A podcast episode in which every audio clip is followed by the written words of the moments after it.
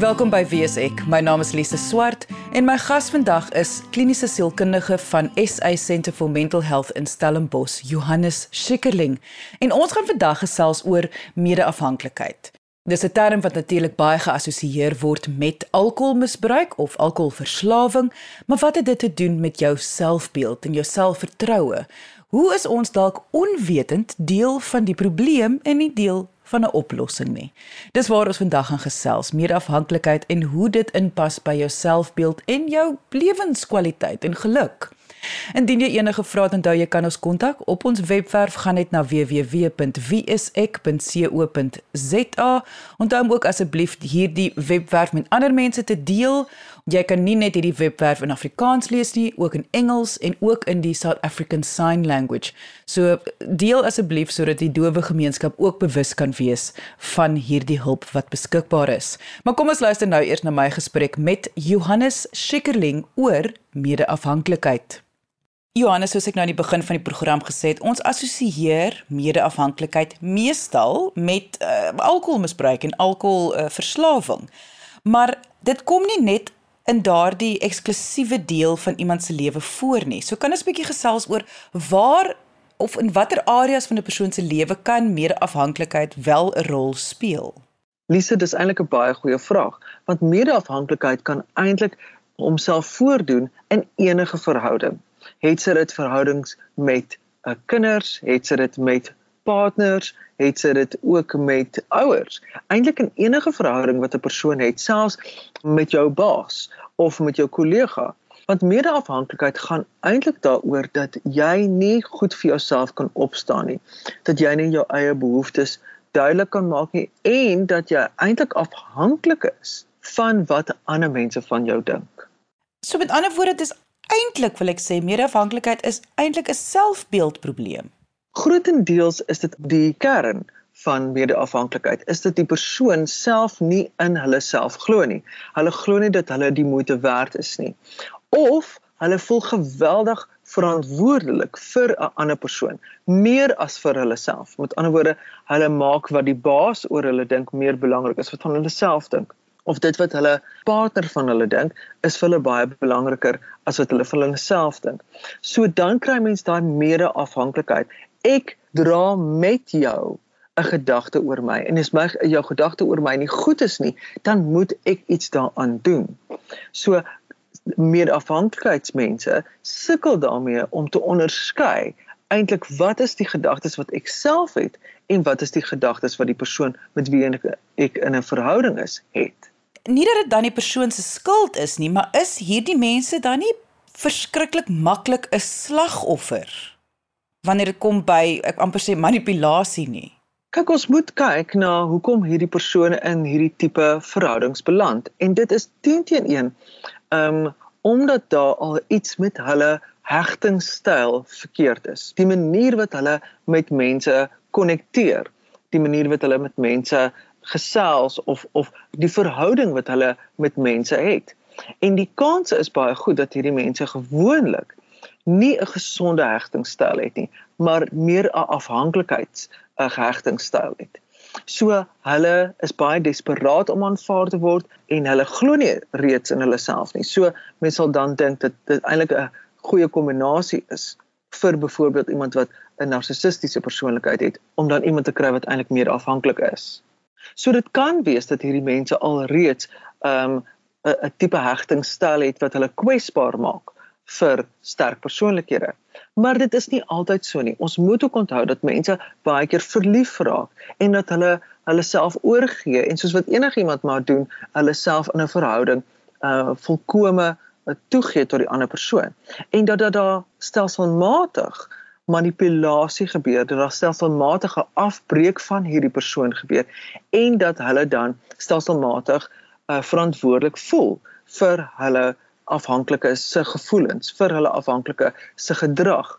En dit is dan ook dan 'n manier hoe hulle ehm um, stelselmatig dan eintlik afgebreek word en dan deel word van 'n mede-afhanklikheidsstelsel.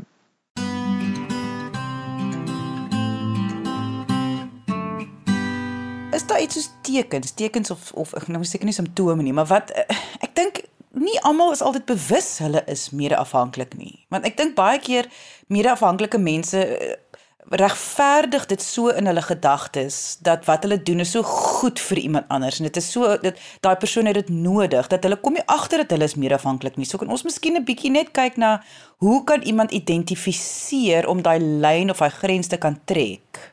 D dit is 'n baie goeie vraag en ek dink dit is soos wat jy sê baie mense is eintlik nie bewus daarvan nie, maar wat ons baie keer sien, is dit mense wat voel dat hulle nooit erken word in hulle verhouding nie. Hulle voel nooit dat hulle gesien word in die verhouding nie. Mense stap maklik oor hulle. Hulle het ook 'n oordrewe sin vir verantwoordelikheid vir die ander persoon. Ehm um, hulle neem verantwoordelikheid vir hulle gevoelens, hulle neem verantwoordelikheid vir hulle gedrag. Baie keer vir alles mense nou dink aan 'n tipiese verslawings dat as die persoon weer gebruik dat hulle dan skuldig voel. O, ek moes meer gedoen het of ek moes uh, uh, hulle gekeer het of dit is my verantwoordelikheid hulle verwar ook baie keer liefde of of jammerte met liefde. Hulle verstaan nie regtig wanneer iemand lief is vir hulle teenoor wanneer iemand eintlik hulle net jammer kry.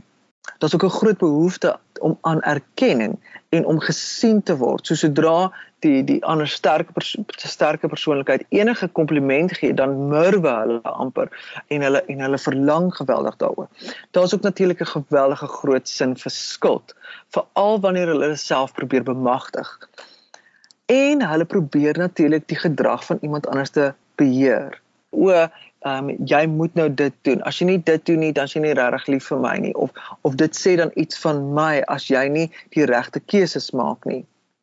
Hulle het 'n geweldige vrees vir om alleen te wees of vir verwerping en het natuurlik geweldige probleme met grense.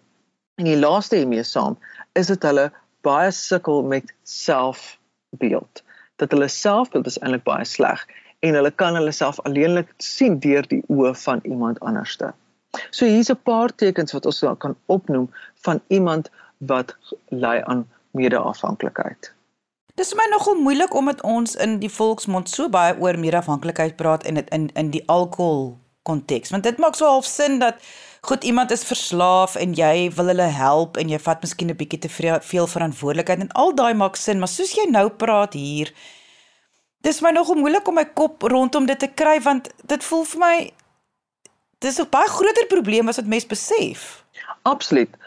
Omdat ons baie keer sien dat dit mense is wat geweldig sukkel met grense, sien ons dat hierdie mede-afhanklikheid ook uh plaasvind in veelvoudige kontekste. Met ander woorde, dit gebeur nie net met 'n verslaafde nie, dit gebeur baie keer met die baas.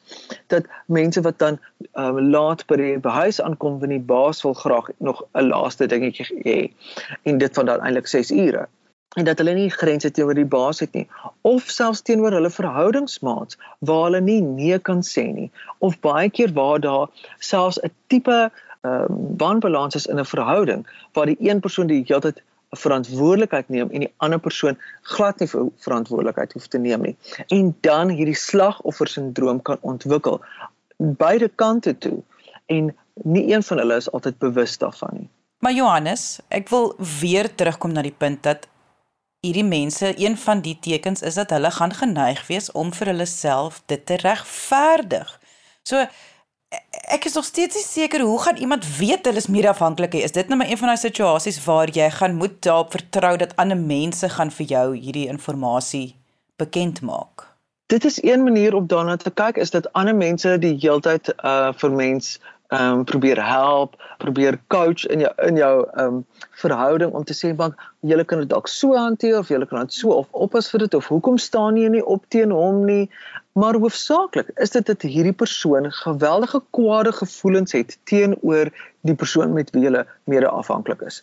En dis hierdie hele tyd hierdie wipplank van ek is kwaad vir jou maar ek kan nie anderste nie. Ek weet nie hoe anderste om myself uit te druk ek's te bang om jou te verloor. So dis die hele tyd hierdie wipplank tussen die extreme van geweldig ontevrede, geweldig kwaad, gefrustreerd in hierdie verhouding en dan wipplank dit na die realiteit van altyd die persoon probeer tevrede stel, altyd die persoon se gevoelens spaar, uh altyd die minste probeer wees. En hierdie wipplank is eintlik maar waarmee mense in mede-afhanklikheid geweldig baie sukkel. So as jy erken dat jy deur hierdie wipplank gaan in jou verhouding, het sy dit met 'n baas, met jou verhoudingsmaat, het sy dit met 'n verslaafde, dan kan jy maar weet dat mede-afhanklikheid is definitief deel van jou verhouding.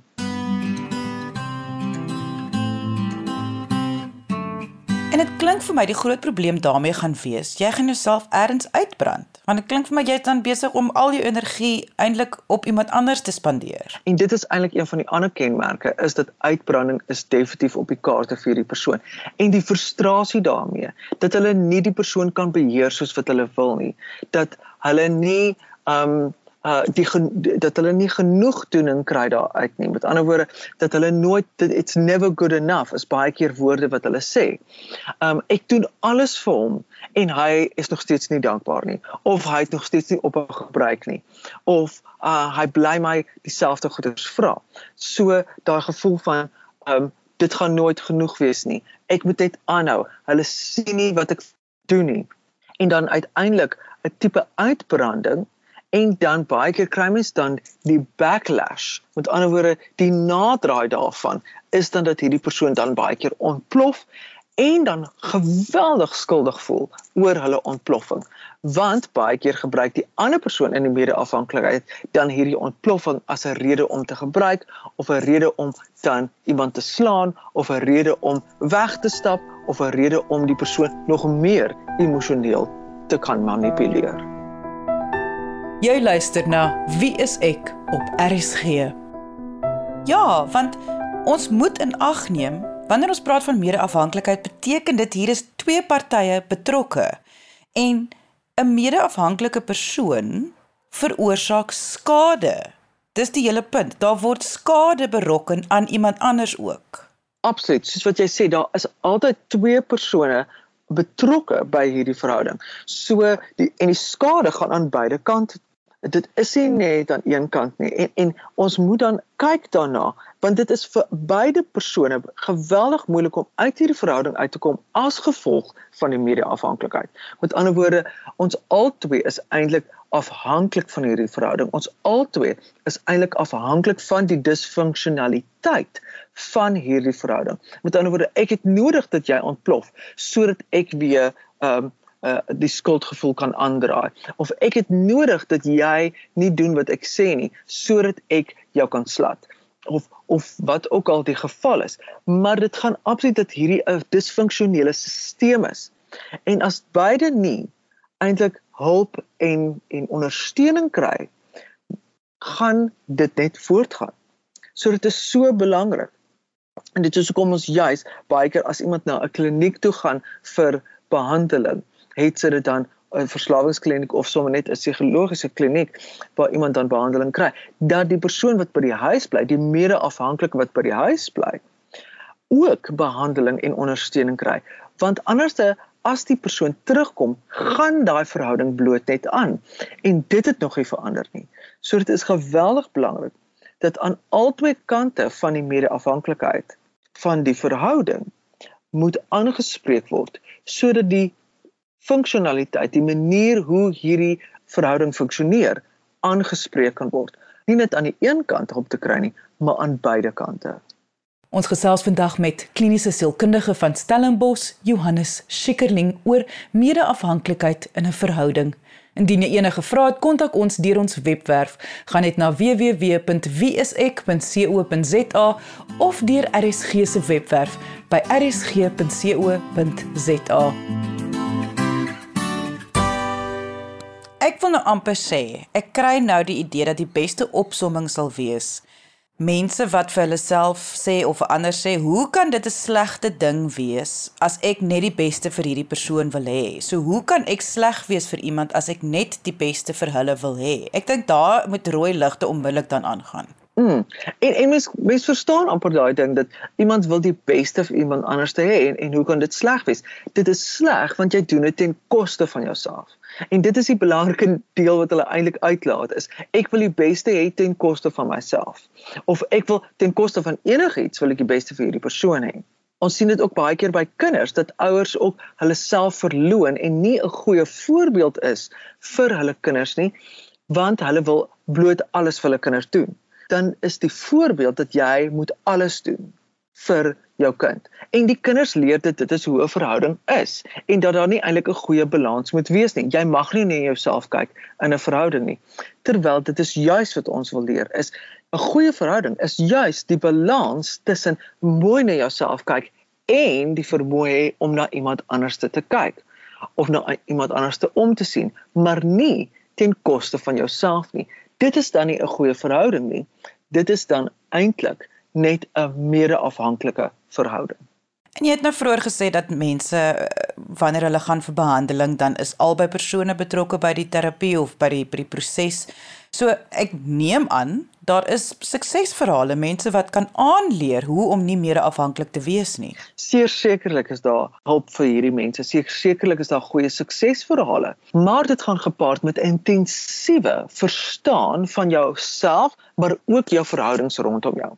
So dit is nie net goed genoeg dat mens kyk na o, okay, hierdie spesifieke verhouding en ek moet grense vir hierdie spesifieke verhouding hê nie. Dit gaan ook dat jy intensief kyk na hoe is die verhouding met jouself? Waarom kies jy om eerder na iemand anders te kyk as na jouself? Hoekom sukkel jy so om grense vir jouself te stel? Is dit regtig net hierdie een verhouding met wie jy 'n mede-afhanklikheid het of is daar ander verhoudings met wie jy ook 'n mede-afhanklikheid het. So dit gaan daaroor dat iemand intensiewe werk doen en veral ook kyk na hulle hegtingstyl, die manier wat hulle konnekteer met mense rondom hulle en hoe gesond dit is. En ons weet hegtingstyl kom van 'n baie jong ouderdom af en dit kom eintlik van 'n baie onbewuste vlak af. Nie almal is bewus van die manier wat hulle met mense konnekteer nie. En dat ons dit na die voorgrond bring en iemand dan regtig help om in detail hierna te kyk sodat hulle op 'n gesonde manier keuses kan maak, op 'n gesonde manier grense kan stel.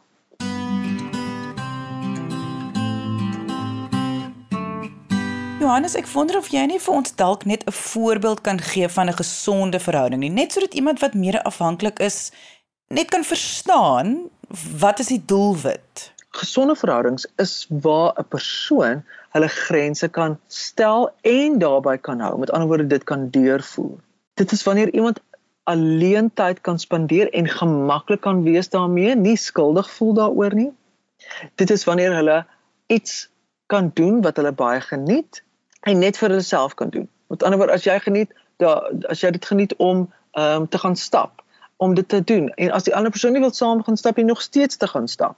Of as jy daarvan hou om TV te kyk of 'n sekere series te kyk en jy doen dit in jou eie tyd om gemaklik te wees dat die ander persoon nie van dieselfde series hou nie, maar dat jy dit nog steeds kyk. Dit gaan daaroor dat dit 'n persoon is wat hulle 'n uh, hegtingstyl verstaan en selfs die hegtingstyl verstaan van hulle verhoudingsmaat baie keer verwys ons na die love languages. Jy weet, die tipe style wat mense het. Wat waardeer iemand en wat werk vir my en hoe hoe aanvaar ek liefde? Hoe ervaar ek liefde en hoe gee ek liefde? En vir die ander persoon ook. En om eintlik aandring daar te maak dat jou hegtingstyl of selfs jou jou uh, love language is belangrik en daarop aandring dat dit vervul word. Soek jy 'n professionele persoon in jou area?